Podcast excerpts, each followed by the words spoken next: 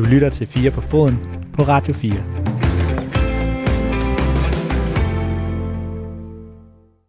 Ja, velkommen indenfor. Det her, det er jo vores øh, fodboldformat her på Radio 4. Men det er ikke den normale øh, 4 på foden, som du skal høre her de næste to timer. 4 på foden holder nemlig sommerferie, så i stedet for, så har vi lavet nogle nedklip af det, som vi i stedet brugte en masse tid på at lave her op til sommerferien. Det vil sige selvfølgelig, hvor der var EM i fodbold. Der lavede øh, den normale 4 på fod vært Dan Grønbæk nemlig en daglig EM-podcast, der hedder Mandsopdækket. Den er så færdig nu, men jeg har samlet nogle af højdepunkterne fra de sidste dage under EM, til at øh, du kan fornøje dig med i det normale 4 på foden slot her fra 17 til 19. Jeg har tre øh, programbider med til dig her i første time, og så tre øh, nye i anden time. Og det første, vi skal høre om nu, det er den kedelige fodboldspiller Take 2 øh, for, da vi sendte øh, Fire på foden i en mandsopdækket udgave for øh, en uge siden igen, der hørte du også om de kedelige fodboldspillere. Og nu skal vi så høre et, et lidt andet take på det med Dan Grønbæk, der altså er normale fire på foden vært, og i den her anledning er mandsopdækket vært sammen med Katrine Lundager, der øh, til daglig er skribent på blandt andet Information. God fornøjelse. Du lytter til Radio 4. Men, men jeg synes, det er ret spændende og, og øh, interessant, det der med, at, at de var sjovere i gamle dage og sådan nogle ting. Altså, det, der er jo en kliché, der hedder, nostalgi er ikke, hvad det har været. øh, fodboldspillere har, har aldrig rigtig været sjove, rent faktisk. Altså, jamen, det har de sgu ikke.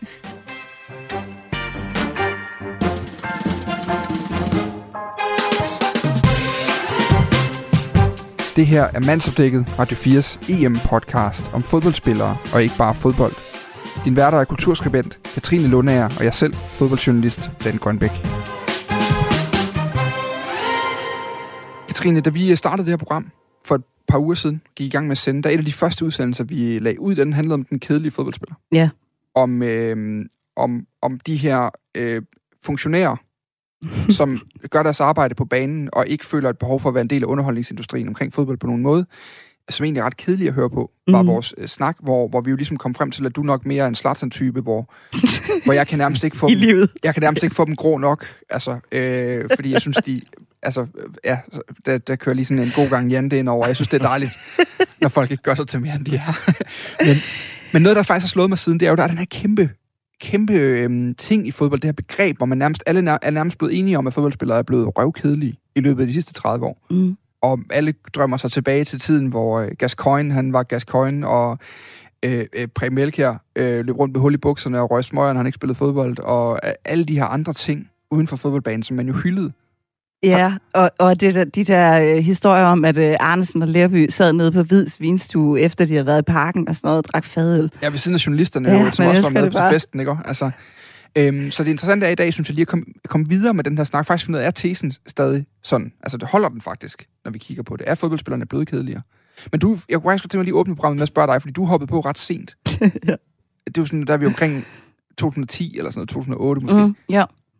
Synes du, fodboldspillere er kedelige i den tidsalder, du ligesom har været fodboldfan i? Nej, det synes jeg faktisk ikke. Altså, jeg, jeg tror, i al den tid, jeg har været fodboldfan, så øhm, har jeg savnet nogen, der ligesom vil give mig noget hjerteblod. Fordi det er også det, det, er også det der er en, en ting af sådan Ibrahimovic's øhm, øh, storslåede selvpromovering. Ikke? Men en anden ting er det der med, jeg vil altid gerne have, at de prøver at fortælle noget om, hvordan de føler det. For jeg vil så gerne forstå, hvordan det er at løbe rundt dernede og øh, lykkes med nogle ting, og ikke lykkes med nogle ting. Og sådan, fordi mm. det, er, det, det er sådan et minikosmos for livet. Ikke? Så jeg vil virkelig gerne have alt det der med. Og det, øh, det, det, det savner jeg tit hos mange fodboldspillere. Fordi meget kan man sige om Zlatan, men altså, det er jo ikke sådan, han står og fortæller, hvad han, at han nogle gange græder sig i søvn om aftenen, hvilket de fleste mennesker jo nogle gange gør. Men mens andre har hyldet eskapader og jagtet eskapader, så jagter du bare store følelser. Ja, Og præcis. følsomme mænd. Lige præcis, det er det. Velkommen til den uh, kedelige fodboldspiller part 2.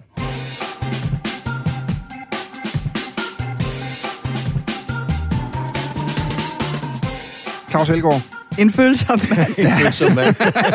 Vi har taget en med i studiet. Det, det er den fedeste intro, jeg nogensinde har fået. Du er, øh, du er øh, min kollega, vores kollega her på redaktionen. Vi sidder til daglig, når der ikke lige er corona, så sidder vi cirka halvanden meter fra hinanden, og det er meget få indspil til diskussioner, der kommer over fra din kant, der ikke starter med, der har jeg engang siddet, eller ham har jeg engang snakket med, eller dengang jeg øh, talte med ham. Du har været sportsjournalist længere, end jeg har været I live. i live. Ja. Og øh, har interviewet alle de store, alle de store kanoner, stort set, der har været i det danske sportslandskab over de sidste 30-40 år nærmest. Ja, ja. Øhm, jamen altså, ja, det er jo, sådan er det jo, kan man sige. men, men jeg synes, det er ret spændende og, og øh, interessant, det der med, at, at de var sjovere i gamle dage og sådan nogle ting. Altså, det, der er jo en kliché, der hedder, nostalgi er ikke, hvad det har været.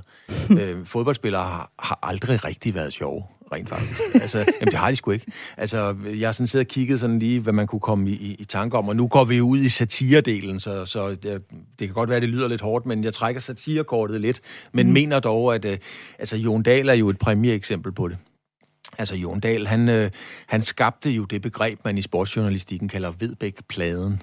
Altså, fordi han sagde aldrig noget. Altså, og, og, og sportsjournalister øh, øh, døbte det simpelthen, nu sætter han Vedbæk-pladen på fordi han stod med hænderne på ryggen og sagde, ja, vi spillede skidt i første halvleg, men der var momenter i anden halvleg, der var gode. Altså, Jon Dahl, når han blev interviewet, jeg selv interviewet ham mange gange, altså, han var marginalt sjovere end en parkeringsbøde, øh, og, og, så, og så har han da haft ja-hatten på. Men, men lad mig lige, jeg vil godt lige starte et andet sted, fordi du er inde på det her med, at de faktisk aldrig har været sjove. Altså, øhm, hvad, hvad, er en, hvad, er en, hvad er en interessant fodboldspiller for dig egentlig? Fordi jeg tror også nogle gange, at, at der er forskel på, om man netop er er fodboldjournalist anno 2021, eller har været med dengang, hvor man jo drak bajer med spillerne mm. og, øh, og var udenfor. Altså, hvad, hvad er en interessant fodboldspiller egentlig for dig? Jamen, det er jo klart, det er jo selvfølgelig en, der kan spille fodbold, fordi det er jo ligesom præmissen. Man kan sige, nu, jeg går til fodbold for at se noget god fodbold. Jeg går jo ikke til fodbold for at høre noget stand-up, så, så kan jeg gå ind i comedy show i stedet for, hvis det er det, jeg går efter. Så en interessant fodboldspiller for mig er selvfølgelig en, der, der har noget udstråling. Øh, det, er en, det er egentlig en Flemming Poulsen. Flem, hvad hedder det? Præm Melchior bliver jo altid hævet frem som eksemplet, mm. kan man sige. Men jeg synes, at Flemming Poulsen har det hele. Øh, har hele pakken. En interessant personlighed, en dygtig fodboldspiller, øh, noget, noget karisma og pondus, som øh, han er for mig indbegrebet, eller begrebet på en, på en interessant fodboldspiller. Men må jeg godt lige spørge, Claus, fordi nu har vi jo et øh, landshold, der lige nu er mere populært, måske end landsholdet har været i mange år. Mm. Og de er jo øh, blevet kritiseret netop for det der med tidligere, der mangler nogle personligheder, ikke? Der mangler sådan den her, de, den der sådan personality x-faktor. Og, og det, det er jo meget sådan på baggrund af sådan en sammenligning netop med sådan noget Preben Elkær, ikke? Eller de der 80'er hold, eller 92 holdet. Men passer det? Altså, hvordan, hvordan, kan man, hvordan var de der? Kan vi lave en 92 holdet? Hvem, hvem havde vi på det? Der var der nogen, der var sjov? Nej, ikke rigtigt. øhm, jamen altså, ja, vi kan jo tage dem fra en ende af, uden at skal gå alle navnene igennem. Men ja. altså, hvis, hvis man uh, tager en Peter Smeichel, som, som stod dengang, der er jo ikke nogen, der nogensinde har hørt Peter Smeichel sige noget sjovt efter, før eller under en kamp. Det har altid været meget seriøst. Uh, John Sivebæk ved faktisk ikke den dag i dag, om John overhovedet kan tale. Uh, det tror jeg, han kan. Kent Nielsen, Lars Olsen i midterforsvaret. I kan jo slet ikke forestille jer at høre de to sige en sjov eller kæk bemærkning uh, om noget som helst. Så var der Henrik Andersen, ikke? Kristofte ville jo ikke tale med nogen. Øh, Johnny Mølby var der ikke rigtig nogen, der spurgte om noget. Faxe. Mm. Og så var der Flemming Poulsen, der i gang imellem kom med et, øh, med et pip. Øh, Picnic sagde ikke noget, Lars Elstrup sagde ikke noget. Og brødrene Laudrup, øh, to super øh, mennesker og, og ambassadører på alle niveauer for, for sporten. Der er jo heller ikke nogen, der har hørt brødrene Laudrup sige noget kægt før eller efter en fodboldkamp. Men snakkede I så om det, eller hvad? Altså, ja, når man var journalist, sådan, åh, kan vi for fanden ikke få dem til ja. at sige noget? Jo, og der snakkede vi om, uh, grib, tag Flemming, tag Flemming. Ja. Og det var ligesom, når der havde været Tour de France, nu kører Tour de, Tour de France også. Altså, den eneste af cykelrytterne, der sådan set sagde noget sjovt, det var jo Jesper Skibby. Altså, ja, han var nemlig god til ja, det der. Ja, fordi ham forventede man det også af, ikke? Ja. Men der var ikke nogen, der forventer af fodboldspillerne. Der var ikke nogen, der forventer at Faxe. Henrik Larsen kunne selvfølgelig også lidt. Men der var ikke nogen, der forventer, at Daniel Akker, en af vores største anfører på landsholdet gennem tiderne, skulle sige noget sjovt. Altså, det, det, var, det var ikke de forventninger, der lå i luften øh, til det. Og heldigvis, fordi vi kommer jo for at Altså, vi er ikke kommet for at danse, vi er kommet for at se fodbold, kan man sige. så, så, så jeg synes faktisk ikke, de var, de var ret meget sjovere dengang, hvis man, hvis man kan sige det sådan. Var der nogen, der så ligesom gjorde det, som jeg gerne vil have, som var at give rigtig meget af deres, fø- af deres følelser. Nej, ligesom... det, det, det, det, det kan man ikke lige frem påstå. Altså, øh, igen, 92-holdet, altså, Lars Olsen delte jo ikke ud af, om han havde sovet godt, ved. Øh, det gjorde øh, Søren Busk øh, og, og Ivan Nielsen jo på generationen tidligere heller ikke. Det er jo fuldstændig utænkeligt at stille øh, Peter Smeichel det spørgsmål. Hvordan ja. har du det egentlig? Altså, det, det er jo et spørgsmål, man slet ikke kan forestille sig at stille en Peter Smeichel eller en Michael Laudrup.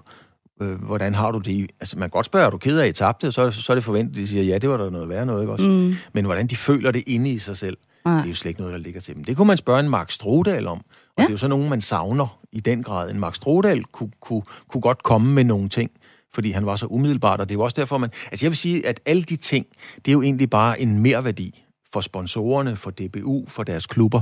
Mm. Det, der er det primære, det er, at de kan spille fodbold øh, og, og ikke løber offside, kan man sige. Det er jo sådan i alt væsentligt, det, det går ud på om søndagen klokken 3 for dem, ikke også? Alt andet er jo en mere værdi. Kogt helt ned. Lad være med at løbe offside. Ja. Så, og vi er okay kørende, dreng. Ja, men altså, og man kan sige, det, det bliver jo meget, meget altså, skåret ud i pap. Altså, jeg har jo lavet milliarder, ah, det er mange interview, med sportsfolk, fodboldspillere, der har, når de har tabt. 9 ud af 10 gange, så når man spørger, hvad gik der galt i anden halvleg, så er svaret jo helt enkelt. Jamen, vi var ikke rigtig klar. Mm. Og det eneste, en fodboldspiller skal, det er kraftedet med at være klar søndag klokken 3. Og det eneste, man sådan rigtig kan finde på at sige, det var, at vi var ikke rigtig klar, da vi kom ud til anden halvleg. Det, er det, det udtrykker jo alt. Det er jo ikke folk, der bruger store ord. Men, men er det ikke i virkeligheden også... Øhm... Jeg har tit tænkt på, at når man står og jagter, vi, vi efterspørger store følelser, vi efterspørger store reaktioner, vi efterspørger også kloge analyser på, hvad der er gået galt i en fodboldkamp. Og så stiller man dem spørgsmålet halvandet minut efter, de kommer ud. De har dårligt nok fået pusten igen. Og så står de der foran mikrofonen, og så siger man, du, hvad skete der i anden halvleg? Det gik sgu da lidt galt, var. Hvad, ja. hvad var det lige der?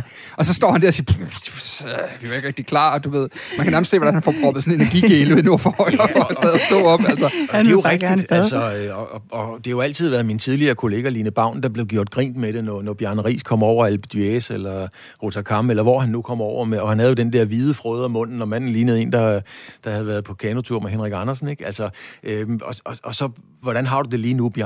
Og alle kunne godt se, at Bjarne havde det sgu egentlig ikke ret sjovt. Men det er sådan ligesom blevet en kliché. Men det sjove er jo, at, at den kliché er jo blevet videreført, fordi I kan ikke se et eneste kommunevalg eller folketingsvalg. Når en eller anden er blevet valgt til statsminister eller borgmester, så er det første spørgsmål fra den dybt seriøse journalist, hvordan har du det lige nu? Og så, så den er jo bare blevet taget videre, ikke også? Så, så det, er egentlig, det, det er egentlig lidt synd. Men, men jeg synes også, at det er, det er uretfærdigt at skulle bede sportsfolkene i mm. kampens hede om at sige noget sjovt. Mm. Det synes ja. jeg, det er. Og, og er det, altså, grund til, at jeg også lige spurgte dig til at starte med, hvad en interessant fodboldspiller er for dig, mm. det er jo også det her med, hvad, hvad vi egentlig forventer af dem. Mm. Fordi det er jo sådan noget, man, man, vi, lægger, vi tillægger dem nogle ting, de skal leve op til. Fordi de er vores forbilleder. Vi sidder og kigger på dem. De er idoler. De er alt muligt, når de går på banen der. Udover en spiller, der kan finde ud af ikke at løbe offside. Og, øh, og derudover står ordentligt på en fodboldbane og så videre. Og, og det er jo de er jo hele tiden op imod en eller anden generel forventning af, hvad man vil have fra dem. Altså, jeg nyder jo i de her tider her, jeg synes ikke, fodboldspillere nødvendigvis er så kedelige, faktisk. Altså, fordi jeg nyder jo at se spillere som Pierre Emil Højbjerg, som øh, øh, også en Simon Kjær egentlig. Altså, jeg kan godt lide de der... Det er tydeligt, der er følelse på drengen, altså, mm. når de spiller. Men, men de har ikke behov for alt muligt andet end fodboldbanen. Altså, de har ikke behov for at skulle være alt mm. muligt andet, end det, de gør til daglig. Og det, jeg synes egentlig, den der insisteren på at få lov til at være i sin egen... være på deres egen bane, Altså ikke at hoppe med på mediernes ting, fordi det er også det, jeg vil, uden at vide det, fordi jeg var, ikke, jeg var slet ikke i gang med at lave sportsjournalistik på det tidspunkt, og fattede ikke særlig meget af noget som helst på det tidspunkt, men der i 90'erne, hvor du netop havde en, øh, en elkær, der, øh, sådan, han sang så godt nok, på, nok lidt på sidste vers på det tidspunkt, men en Paul Gascoigne i England, som jo også blev drevet frem af de her medier, der virkelig bare syntes, hans liv var interessant. Og, og det der liv der, det, det, altså, det selvdestruerede jo for øjnene af dem. Og at se interviews med Gascoigne i dag, det er jo noget af det mest sørgelige overhovedet. Altså den her lidt forkryblet mand, mm. som jo bare er blevet ødelagt. Altså, hvor jeg nogle gange også tænker, at der er også, måske er vi også bare blevet klogere, måske fodboldfolk blevet klogere i, at de skal ikke, altså hele verden skal ikke være en, en medspiller. Hele verden er noget, man giver noget til en gang imellem, og man skal sørge for ikke at give for meget. Ja, det er sådan, sådan, sådan kan man godt sige det, men man kan jo også vente om at sige, at altså sportsfolk i dag, øh, de, de er bare blevet yngre og yngre. Og for du når mm. øh, til det niveau, hvad enten du spiller badminton, eller ridebanespringning, eller fodbold, eller hvad det er, så er du altså startet på det meget, meget seriøst, fra mm. du er en 7-8 år. senest, ikke? Træner mange, mange timer om dagen og lever i en boble og et univers. Nu kender vi en, en, en corona-boble, men de har jo levet i deres sportsboble, hvor de øh, har, har trænet, de har sovet, de har fået mad og massage osv., og, og har jo ikke rigtig fået input ud fra den store verden. Så man kan sige, altså i den kontekst er der jo heller ikke pokkers meget at grine af. Og jeg mener, hvis man er fodboldspiller og, og har let til grin og vil gerne have det lidt mundre, så kan du ikke eksistere under en tysker, der kommer op og taler brokken dansk og siger, nej, du skal løbe på kejle. Altså, øh, altså det kan, det er jo, der kan man jo ikke være, hvis man, hvis man har et andet syn på tilværelsen, end det der meget fokuserede øh, tunnel vision. Vi skal løbe rundt om nogle orange kejler, fordi ellers kan vi ikke vinde på søndag. Så, så det er jo, du kan ikke være i den verden, hvis du har en anden tilgang. Det tror jeg simpelthen ikke på.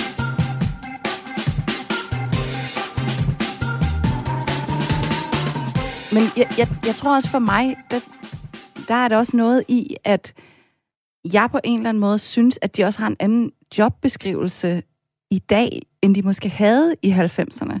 Forstået på den måde, at de jo også får rigtig, rigtig mange penge for ligesom at have trådt ud af fodbolden og ind i sådan en mere sådan bredere populær offentlig sfære, ikke? hvor de bliver inviteret til premiere og ting, hvor man kan se dem på den røde løber. De får jo sponsorpenge, fordi de nu har sociale medier, hvor de ligesom viser sig på en helt anden måde. Øh, sådan, hele det der liv, tror jeg, gør, at jeg på en eller anden måde har for, forventninger til, at jeg, jeg, en lille del af mig føler, at jeg også lidt betaler dem for og give mig noget af mig selv. Mm. Udover at spille fodbold. Jo, Forstår du, altså, hvad jeg mener? Ja, ja bestemt. Men, men i, de, i perioder, hvor jeg ikke har været tilknyttet et medie, har jeg jo lavet medietræning. Mm. Og jeg har haft øh, flere landsholdsspillere, både håndbold og fodbold. Jeg har haft basketballspillere, undskyld, hvad hedder det, cykelryttere, og jeg har haft øh, badmintonspillere, fordi at sportsfolkene i dag er jo blevet deres egen forretning. Mm, ja, og og der, de, de er blevet deres egen lille virksomhed, mm. øh, hvor de skal ud og gøre opmærksom på sig selv og tjene penge på det. Det er jo fair nok.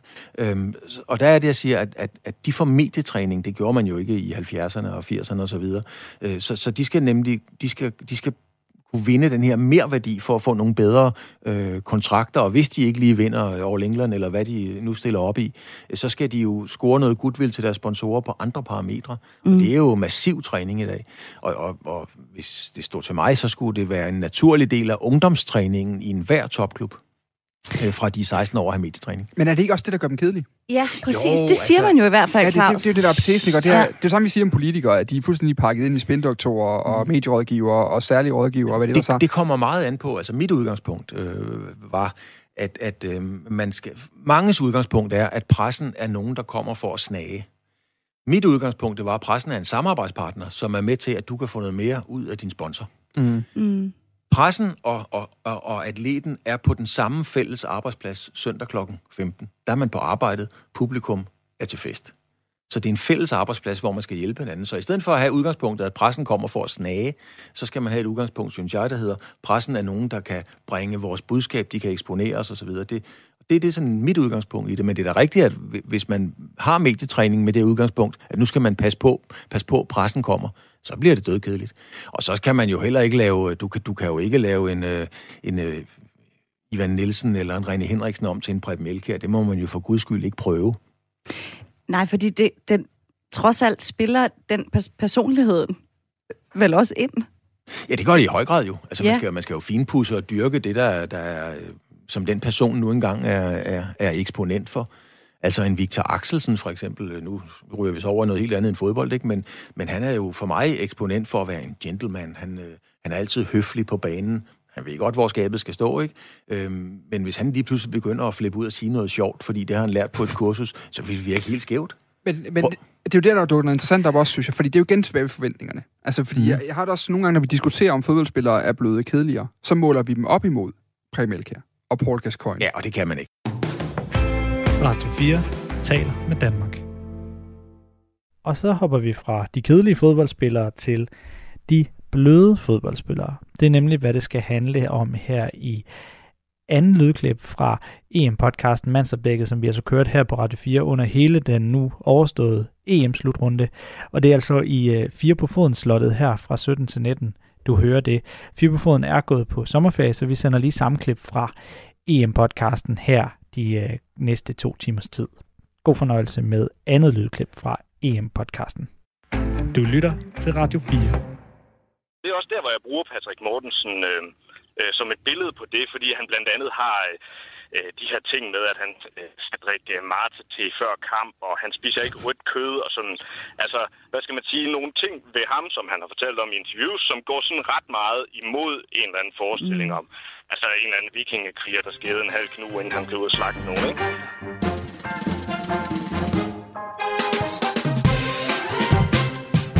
Det her er Mandsopdækket Radio 4's EM-podcast om fodboldspillere og ikke bare fodbold.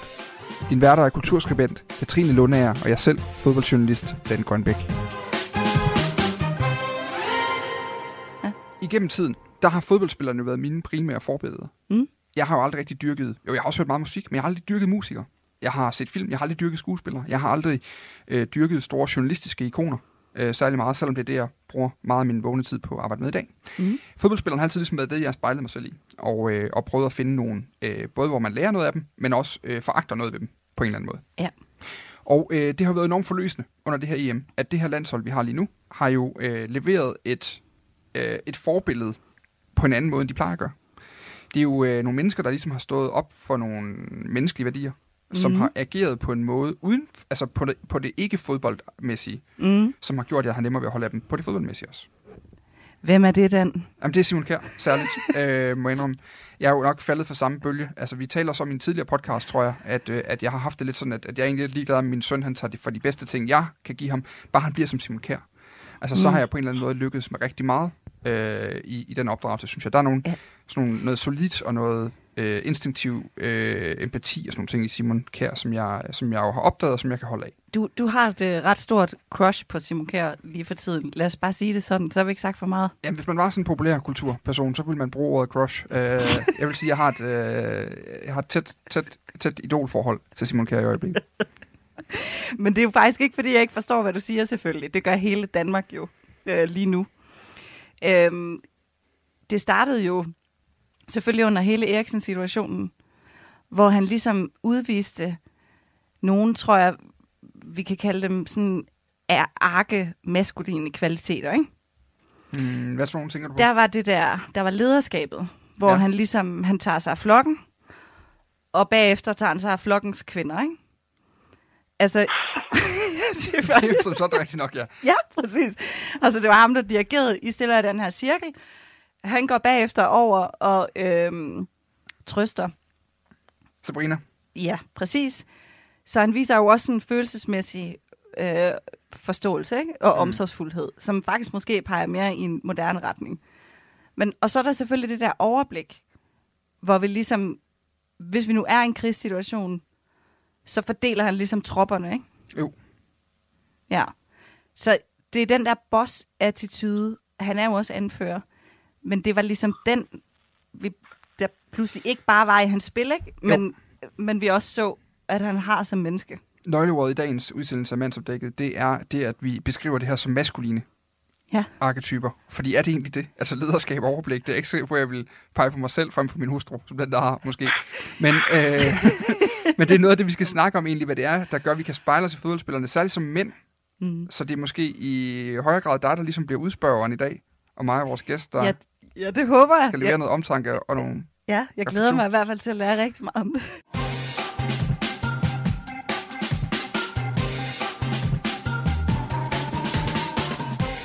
Lad os øh, også byde velkommen til vores gode gæst i dag, som er Daniel Dalgaard. Hej Daniel.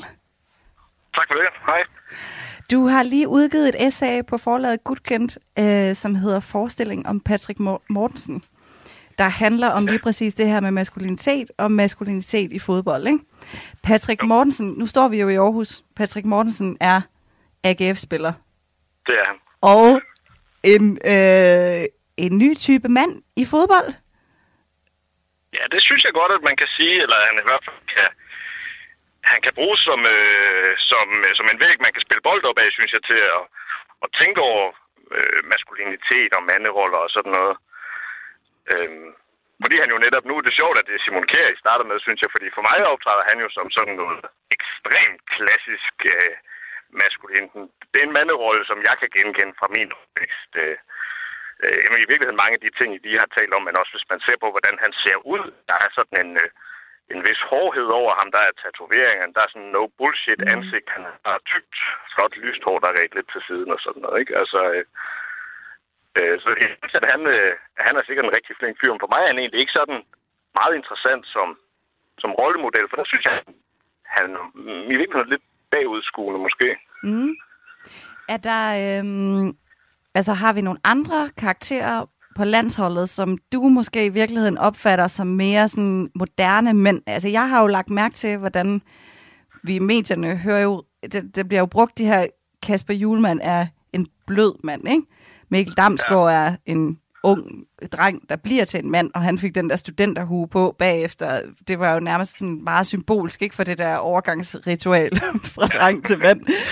øhm, ja, altså er der nogen, øh, så, så hvad skal man sige, der er jo mange af de her mande, såkaldt mandetyper, i hvert fald den måde, vi talesætter det på det her landshold lige nu. Hvordan, øh, er der nogen, du har udset dig? Jeg synes jo i virkeligheden, at der er noget meget sjovt i at, at, øh, at forestille sig, at blandet Simon Kjær med hans øh, forsvarsmarker Andreas Christensen, mm. som jo har et helt andet udtryk, både i, i, i sit spil, men jo også øh, i sin attitude. Altså, han virker jo øh, meget mere tilbageholdende, og, øh, og der var Kasper Julemand var også ude og, brokse lidt over, ikke, at der var nogen, der mente, at han skulle markere sig, eller ja, mere have en mere voldsom attitude på en eller anden måde.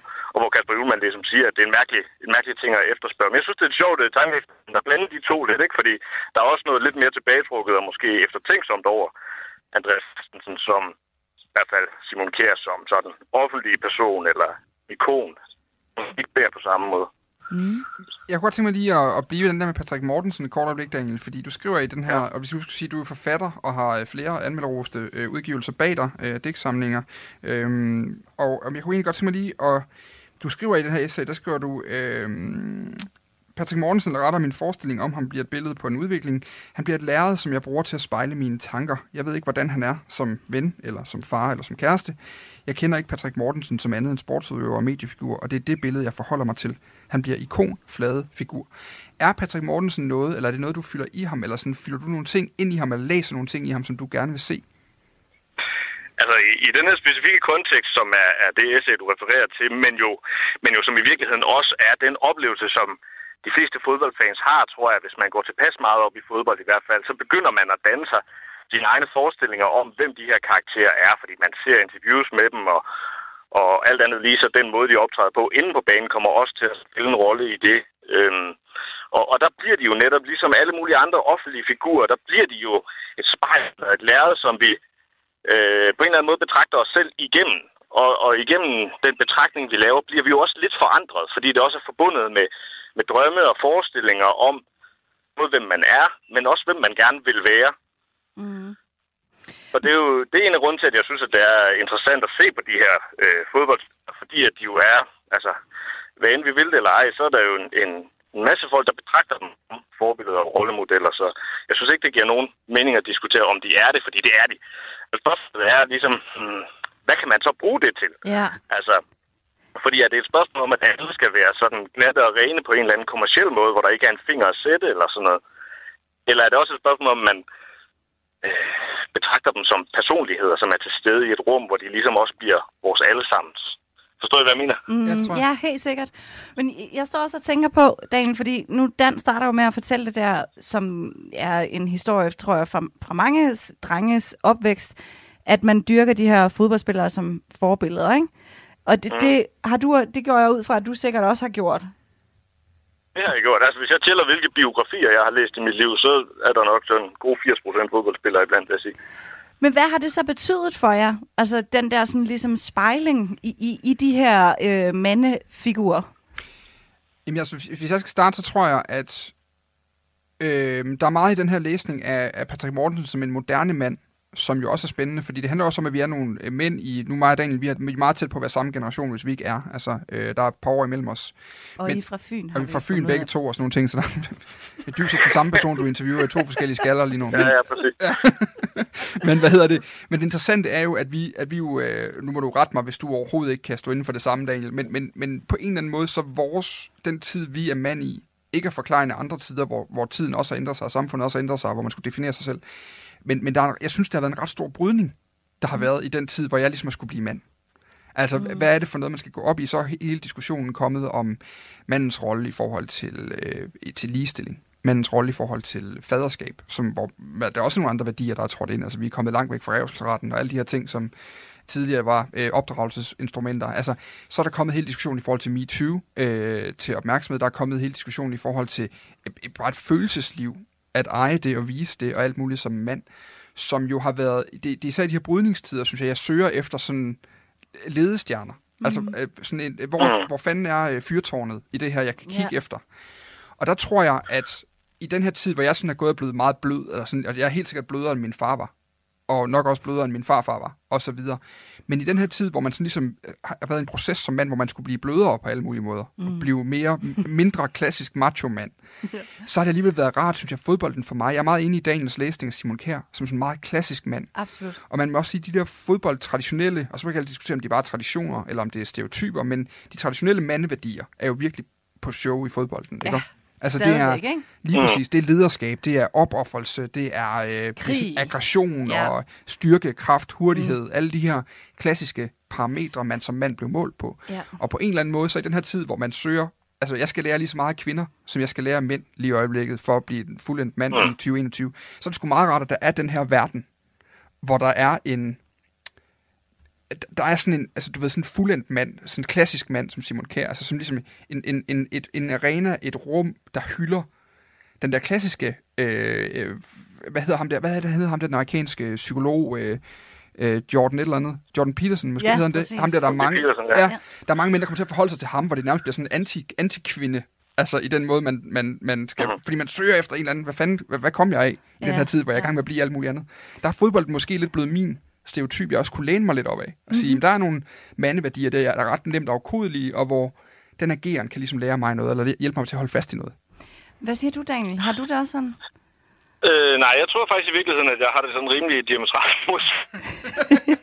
jeg, jeg, jeg, jeg vil selvfølgelig uh, give den ret i, at det er en arena, som er meget præget af de her stadigvæk uh, meget sådan, vi kan kalde dem klassisk maskuline dyder. Det kan vi nu en masse om det, uden egentlig at tale om, hvad det så er, vi mener med det, men, men lad os bare gå videre med det. Men, uh, men jeg synes jo netop, at det er interessant at se, at det, som egentlig sker i fodbolden, jo ikke er så stereotyp, som vi også får det til at lyde her. At der er masser af steder, hvor øh, der sker en masse udvikling og små brudflader og sådan noget. Og det er også der, hvor jeg bruger Patrick Mortensen øh, øh, som et billede på det, fordi han blandt andet har... Øh, de her ting med, at han øh, skal drikke øh, marte til før kamp, og han spiser ikke rødt kød og sådan.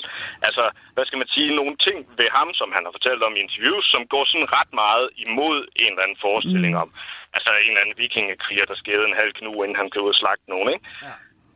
Og, øhm, og hvis man også, man kan også tænke os, nu nævner I det med træneren, ikke? Altså, der har også altid været sådan et, et, et helt vildt far-kompleks i fodbold på en eller anden måde, ikke? Ja, altså, sig noget om det. Er faren, og ja. træneren er faren, og jeg ved fandme ikke, hvem der ikke er faren. Men hvis man tænker sådan for eksempel over en uh, træner som Flemming Pedersen i Nordsjælland, som øh, refererer til, at han øh, bliver inspireret af ballet for eksempel i sit arbejde, at han øh, i interviews øh, nævner, at han læser øh, Niklas Luhmann, som er en ja. forholdsvis ekstremt kompliceret sociolog og sådan nogle ting. Så det er jo meget, meget langt fra øh, forestillingen om den her general, der driver sin her frem på en måde, ikke? Eller sådan... Han er moren i Epstein Jamen, det ved jeg ikke, om han er. Nej, han er måske faren, men han er i hvert fald en anden far. Ja, præcis. Men, men det er måske... Jamen, det er faktisk... Jeg, jeg, kan sagtens, jeg kan sagtens købe det, men jeg synes stadig, det er nogle strømninger, der er i fodbolden. Altså, på en eller anden måde, så... Når vi så hylder dem allermest, så er det jo stadigvæk nogle meget sådan, traditionelle mandværdier. Altså, det er, vi er jo hurtigt tilbage ved de her klassiske ting, som som lederskab, som, som aggression, som i øh, sådan kamp på en eller anden måde. Det er vel stadig det der centrale, at der så er begyndt at dukke nogle andre strømninger op? Man kan sige, at det er jo en, øh, fodbold er jo en øh, øh, gammeldags, meget, meget gammeldags verden, og meget sådan maskuliniseret verden. Helt sikkert. Øh, på den måde. Og sådan vil man, tænke, at jeg kunne blive ved med at sige, at jo, den er meget gammeldags og maskulin. Men det er ligesom Øh, det, der også gør det interessant at se på den, synes jeg, som en linse i, i forhold til at forstå, hvad der sker med køn og manderoller og sådan nogle ting. Fordi, som du også var inde på tidligere, det er nemlig også min oplevelse, at, os, der er nogenlunde i vores generation i hvert fald, og sikkert også før, sikkert også efter, men vi er mest os selv selvfølgelig, at der sker utrolig meget omkring det at være mand. Men jeg synes samtidig, at vi virkelig mangler øh, at få skabt et sprog for det. Øh, også fordi, at fortællingen kan meget godt, kan godt blive meget hurtigt, synes jeg, at, øh, at det handler om, at de forandringer, der sker i rollen, i virkeligheden er en afløber af de forandringer, der sker i kvinderollen. Kvinderne kommer ind på arbejdsmarkedet, okay, med ideen om manden som forsørger går ligesom tabt. Og, altså, der er en hel masse sådan helt urmaskuline fortællinger, som ikke rigtig har den samme gennemslagskraft længere, vel, altså, som virker som øh, det virker sådan lidt øh, fantastagtigt at forholde sig til mandens, øh, manden som held, øh, manden som herfører, manden som forsørger, alle de der, Ja. de væk. Og der synes jeg, at øh, i stedet for egentlig at, at ligesom sige, om fodbolden kan give mig nogle substitutter for de øh, fortællinger, som kan lidt af det samme, men som er lidt mere hule eller et eller andet, ikke? så synes jeg hellere, at man, at man kan bruge fodbolden til at, at skabe nogle nye fortællinger, som faktisk har øh, substans og karakter omkring, hvad det vil sige at være mand. Altså, Men det, men det, og det, er, det, det, det vil jeg faktisk gerne give dig ret i, for jeg stod lige og tænkte på den der, den der anden arketype, der har været i fodbolden. Det er jo den der øh, hårdt slående midtbanespiller, ikke? Mm. Altså en, sådan en, øh, i England, der er det jo sådan en, øh, altså Joe Barton-type, en øh, Roy Keane et eller andet mm. sted. Og jeg kan mærke, at sådan i stigende grad, hvor jeg måske tidligere har idoliseret de her spillere, jeg er Arsenal-fan, så en Patrick Vieira, en Tony Adams og en Lee Dixon. Altså Tony det der, Adams igen. den der voldstrækant, de havde gang i dernede, den synes jeg var mega fed ja, ja. dengang. Altså, men, men jeg kan mærke, at jeg også i stigende grad i dag sådan, synes, den er pjattet. Altså, at det, Ja. det er en forsimpling af fodbolden. Og det er sådan, så læser jeg den ind i en fodboldkontekst. Men det er jo også fordi, jeg egentlig synes, at vi har talt om de andre programmer også, det er jo, at man spejler jo mange af de værdier, man ser på fodboldbanen ud på en selv. Altså, vi har dybest set synes Zlatan eller Balotelli, eller hvem det nu er, altså være særlig rar at være sammen med i min fritid. Nej, det, det vil jeg ikke. Og derfor synes jeg heller ikke, de er enormt fede at se på en fodboldbane. Altså, nej, og det er jo det. Altså, Ja. når man taler om fodbold, taler man også altid om livet på en eller anden måde, ikke? Det er det. Og, og der synes jeg jo nemlig også, at det fremstår tydeligere og tydeligere, at øh, nogle af de karakterer, der måske tidligere kunne indtræde i en eller anden form for idolrolle eller helterolle eller sådan noget, øh, begynder jo at fremstå mere og mere øh, på en eller anden måde øh, altså, øh, afstumpet og i virkeligheden sådan lidt uformående. ja, Men ja, og der vil jeg så uh, supplere med, det er jo helt klart heller ikke tilfældigt, at jeg ligesom er blevet Barcelona-fan. Og det er jo også noget, jeg læser ind i den type fodboldspillere, men det er jo fordi, at det på en eller anden måde øh, jo ikke er meget langt fra et voldeligt fodboldhold. Ikke? Det er noget, man måske klassisk ligesom vil tolke som, at de spiller med nogle feminine, nu siger jeg noget, jeg kan næsten ikke lade være med, men de spiller med nogle feminine værdier, ikke?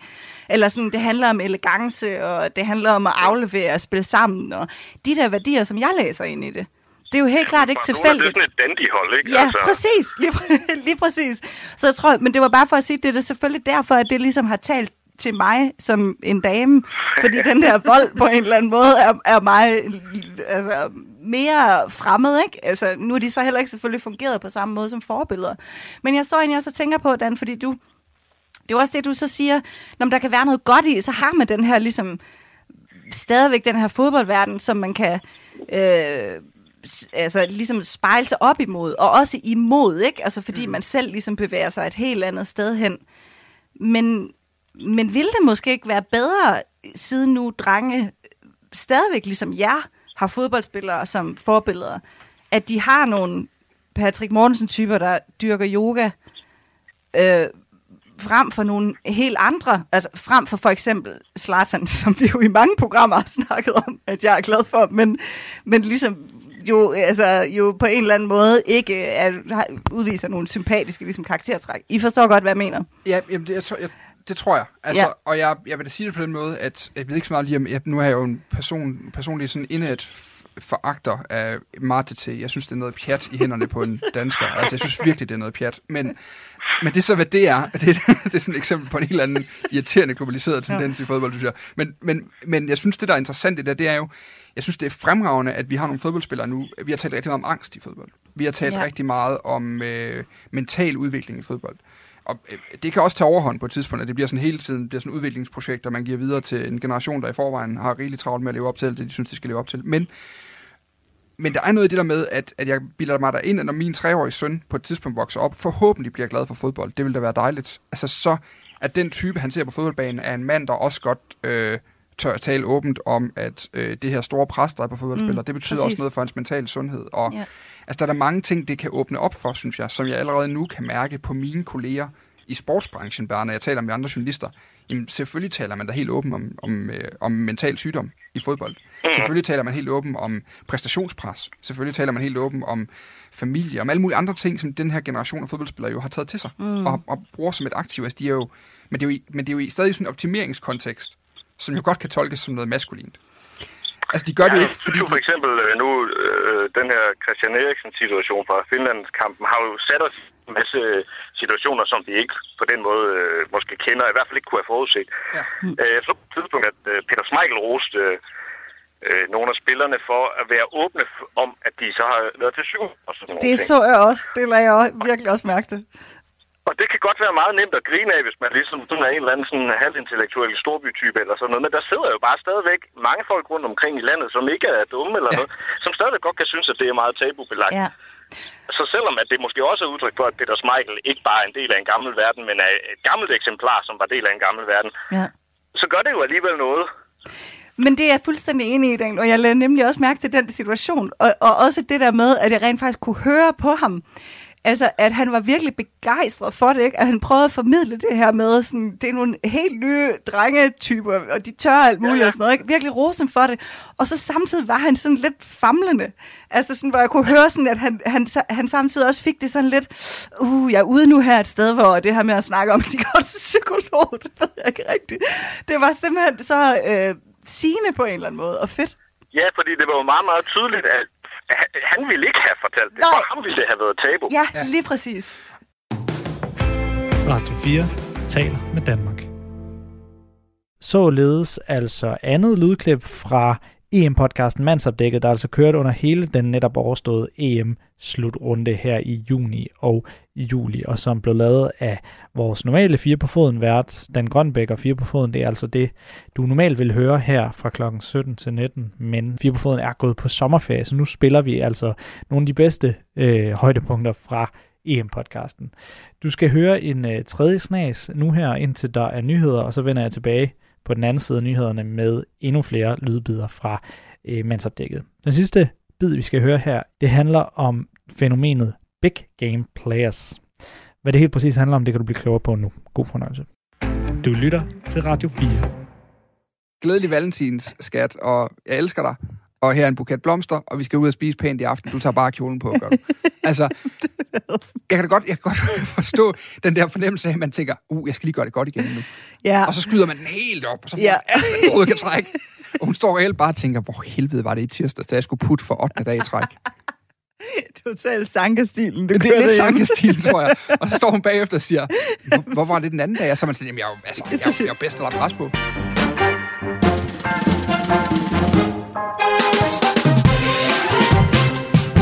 Det her er Mandsopdækket Radio 4's EM-podcast om fodboldspillere og ikke bare fodbold. Din værter er kulturskribent Katrine Lundager og jeg selv, fodboldjournalist Dan Grønbæk. Katrine, kender du typen? Altså, øhm, den der type, der, du ved, får dårlige karakterer i løbet af året, ikke rigtig møder op og er til stede til undervisning, men alligevel går ind og laver gode karakterer til eksamenerne. Ja, den type kender jeg i hvert fald godt. Sådan den der, det kan også være den der mand der, der 364 dage om året er mere fokuseret på arbejde og fodbold og alt muligt andet end parforholdet, og så på valentinsdag, så er det fandme det med fly hen over himlen og blomster og hele balladen, du. Det er helt store udtræk. Mm. Ja, det tror jeg faktisk ikke er sådan en helt ualmindelig mandeting. Det kan også være kollegaen, så sådan er sådan lidt, lidt lad i hverdagen, når man arbejder sammen, og man skal virkelig hive tingene ud for at komme Mm. i gang. Og så lige snart chefen er der, så er der bare visioner for alle pengene, og grundig kritik og selvindsigt. ja, der tror jeg helt klart, at man kan finde nogle RUG-studerende, som har siddet i det der gru- gru- gruppeskrivningsprocesser og haft den oplevelse. Er det big game players? det er da så meget big game players. Sjovt begreb, ikke? Jeg elsker det lidt. Helt vildt sjovt begreb, og det er sjovt, at øh, jeg slog det faktisk tidligere dag op på Urban Dictionary. Ja. Altså øh, det her med big game players. Og, og øhm, når man kigger på det fra Urban og sådan definerer det, øhm, så, er det jo, så er det jo spillere, der sådan virkelig møder op, når der er meget på spil. Altså som, sådan virkelig øh, er, er allerbedst, når presset er allerstørst. Mm. Altså du ved, den der øh, kliché, man sådan, altså kommentator jo sådan hiver ud af røven for godt befindende, der handler om, at øh, det er under størst pres, diamanter skabes, og bullshit. Altså hvad der ellers er derude, ikke? Ja. Øh, men der står faktisk hen på, øh, på altså det er primært a, a term used by sport literature, lit, literature individuals to describe a sportsman that can be relied upon to deliver and succeed at the crucial, defining and pivotal moments in his teams or in his own sporting conquests. Mm. Ja, det er virkelig en sportsting, den der. Det er store sager.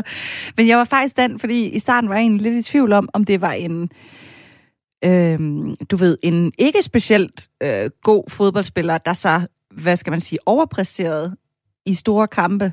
Mm.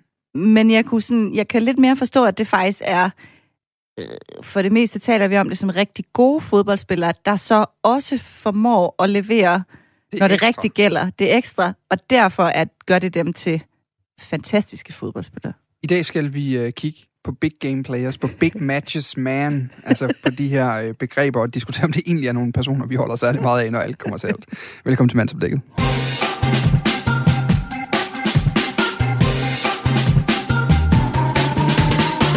Da jeg gik i gymnasiet, der havde, øh, der havde jeg nok lidt, en- lidt en lad attitude til livet øh, og tilværelsen, og øh, det er helt sikkert også mit skolearbejde generelt. Øh, fik nok ikke ydet den indsats, jeg skulle have ydet, for at jeg kunne være rigtig tilfreds med det, jeg havde, men fik dog trods alt nogle relativt pæne eksamenskarakterer.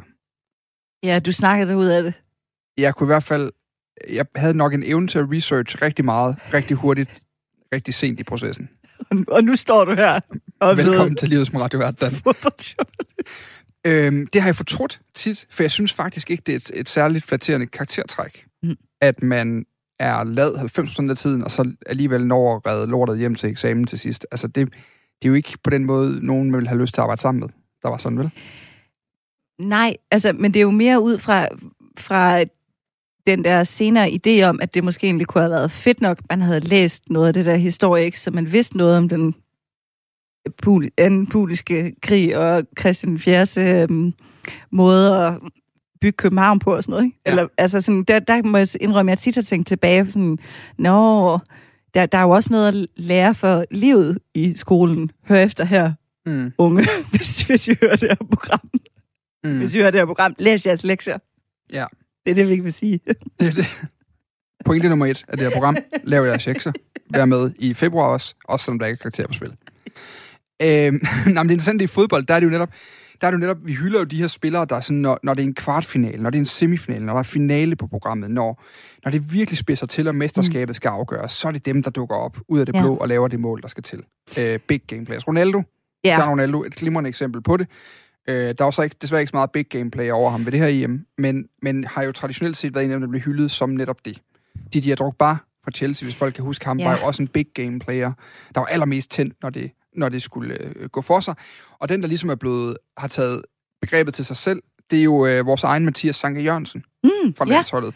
som er i vores EM-trup, ikke? Han er i EM-truppen. Han blev den anden dag hyldet af Kasper Julemand som en af de vigtigste i EM-truppen, på trods af, at han ikke har set et minut på banen endnu. Hva? Nå, hvor, hvordan det? Jamen, han er god for stemningen og træningsintensiteten og alle mulige andre ting. Han bringer det hele. Øh, og det, det fik han meget ros for af, af hvad hedder det, øh, af Julemand. Men det interessante ved ham, det er, at han for en måned tid siden blev han jo... Han har jo ikke spillet særlig godt i FCK her i foråret. Han har i hvert fald haft en periode, hvor det gik relativt skidt i forhold til hans status som kæmpe stjerne for FCK. Og der bliver han spurgt af, jeg mener, Eurosport, der spurgte ham på et tidspunkt, sådan, hvad den her periode, hvorfor kan du forholde dig til? Hvor han siger, jeg er jo en big game player. Jeg Mm. stepper op, når det, når det virkelig står, står øh, når alt er på spil. Og det er der, det skal afgøres. Gør han så det? Han har været god. Altså, han er jo traditionelt set rigtig god, når der er meget på spil. Han var god under VM i 2018 for Danmark, må man sige. Og han har også været med til at afgøre tingene for FCK flere gange i, i sin karriere, hvor han har været tilbage i FCK. Ikke? Så, så det, jeg synes, han har OK meget at have det i. Han er en virkelig dygtig forsvarsspiller. Han virker ikke til at være en, der sådan bøjer under pres, men tværtimod lige vokser 5 cm, når det hele det er på spil. Så det skal han have.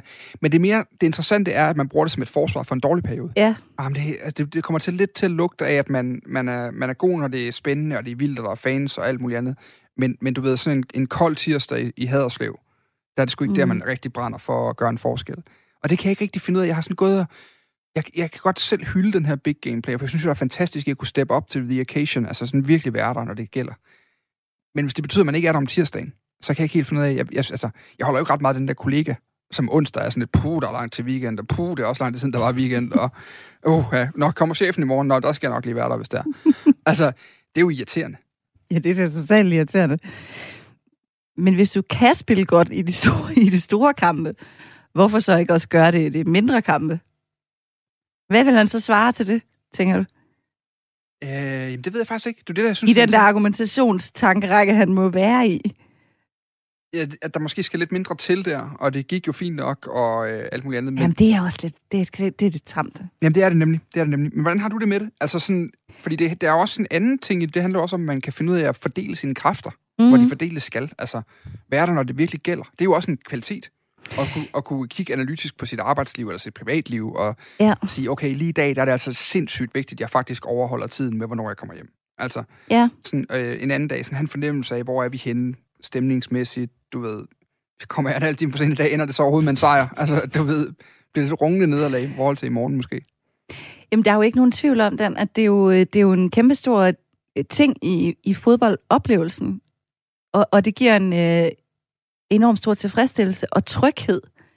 Det der med, at øh, Messi for eksempel, han leverer altid i de der, eller har, har gjort, må vi hellere sige. Han leverede altid i de der store kampe, det kunne man være ret sikker på.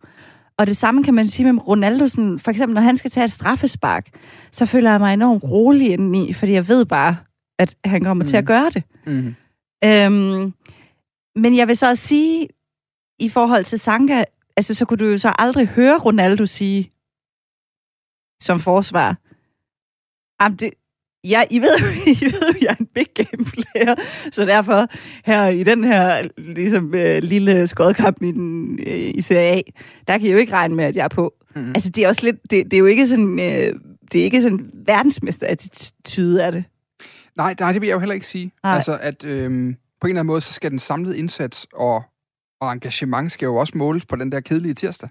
Ja, Altså, kan han bringe det, der skal til, når det hedder Stoke, og det er tirsdag, og regnen siler ned i det nordlige England? Altså, Ja. hvad filen gør han så? Det er præcis, ikke? Men der er jo samtidig noget enormt fascinerende i det der med øhm, at kunne slå til. Det har faktisk altid fascineret mig så meget ved fodboldspillere, fordi jeg øhm, selv ikke føler, at jeg er god til at håndtere præstationspres. Nej. Eller sådan, jeg kan godt blive... Øhm, jeg ved faktisk ikke engang, om det er noget, man sådan vil lægge mærke til øh, udadtil, men jeg kan godt sådan blive øh, nervøs over det, og sådan mere ønske sådan, åh, gid det var tirsdag, og ikke weekenden først. nu lyder det som i det, jeg nu laver, som ikke er at spille store fodboldkampe, Mm. mm. ikke? Men når man sådan skal være på sådan, og tænke sådan, åh, det, gid det bare var en stille og rolig, hvor jeg kunne sidde derhjemme lige og, og svare på de her e-mails, ikke? Ja. Øhm, og der har jeg det altid fascineret mig, at, at øh, virkelig gode fodboldspillere virker som om, at de har det mega fedt, når der er ekstra meget pres på. Altså når tilskuerne bare er fuldstændig vanvittige og øh, råber efter dem, og alt er ligesom sådan ophedet. Ja. De, de trives virkelig i den situation. Og jeg sidder tit og kigger på det og tænker sådan, åh, ej, det må eddermame være presset. Tænk sig at stå dernede nu. Jamen, jeg tror, jeg, altså, jeg har det faktisk lidt omvendt med det. Ja. Fordi jeg synes, det er en lille smule pinligt, at- der skal så meget ydre motivation til, før man åbenbart kan levere sit topniveau. Mm. Altså det der med, jeg synes også, den anden ting i fodbold, det er det der med, at, at man, vi har set det under corona jo, spillere, der sådan har været ude at sige sådan, ah, men du ved, fans er ikke på stadion, og det er sådan lidt svært at hisse sig helt op lige nu. Hvor jeg tænker, hvordan, hvordan kan det være det? Altså, jeg forstår godt, at det kan give ekstra 2%. Altså, at der sidder ja. Nogen og råber på dig, agtigt, og du kan blive ekstra tændt af det. Ligesom hvis der er en vild takling eller et eller andet mod dig, at du så ligesom kan, okay, ja. Skal han sat med have en, eller sådan, ikke? Men, men jeg har nu altid synes, det handler lige så meget. En ting er jo motivationen i det. Mm. At man har brug for den der motivation, det synes jeg tyder på uprofessionalitet.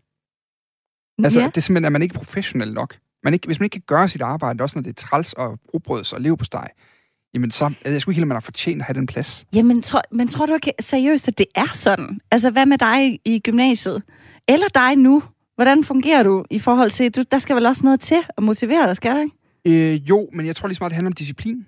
Mm, Altså, det tror jeg, jeg kunne godt tænke, og det er igen det der, hvor vi er inde med, hvordan er man, hvordan vil man gerne være? mm, Jeg kunne godt ja. tænke mig, jeg synes, jeg prøver, og jeg kan godt mærke i perioder, at hvis man er mindre motiveret, så, altså, du ved, så er det sværere at hive sig selv i gang.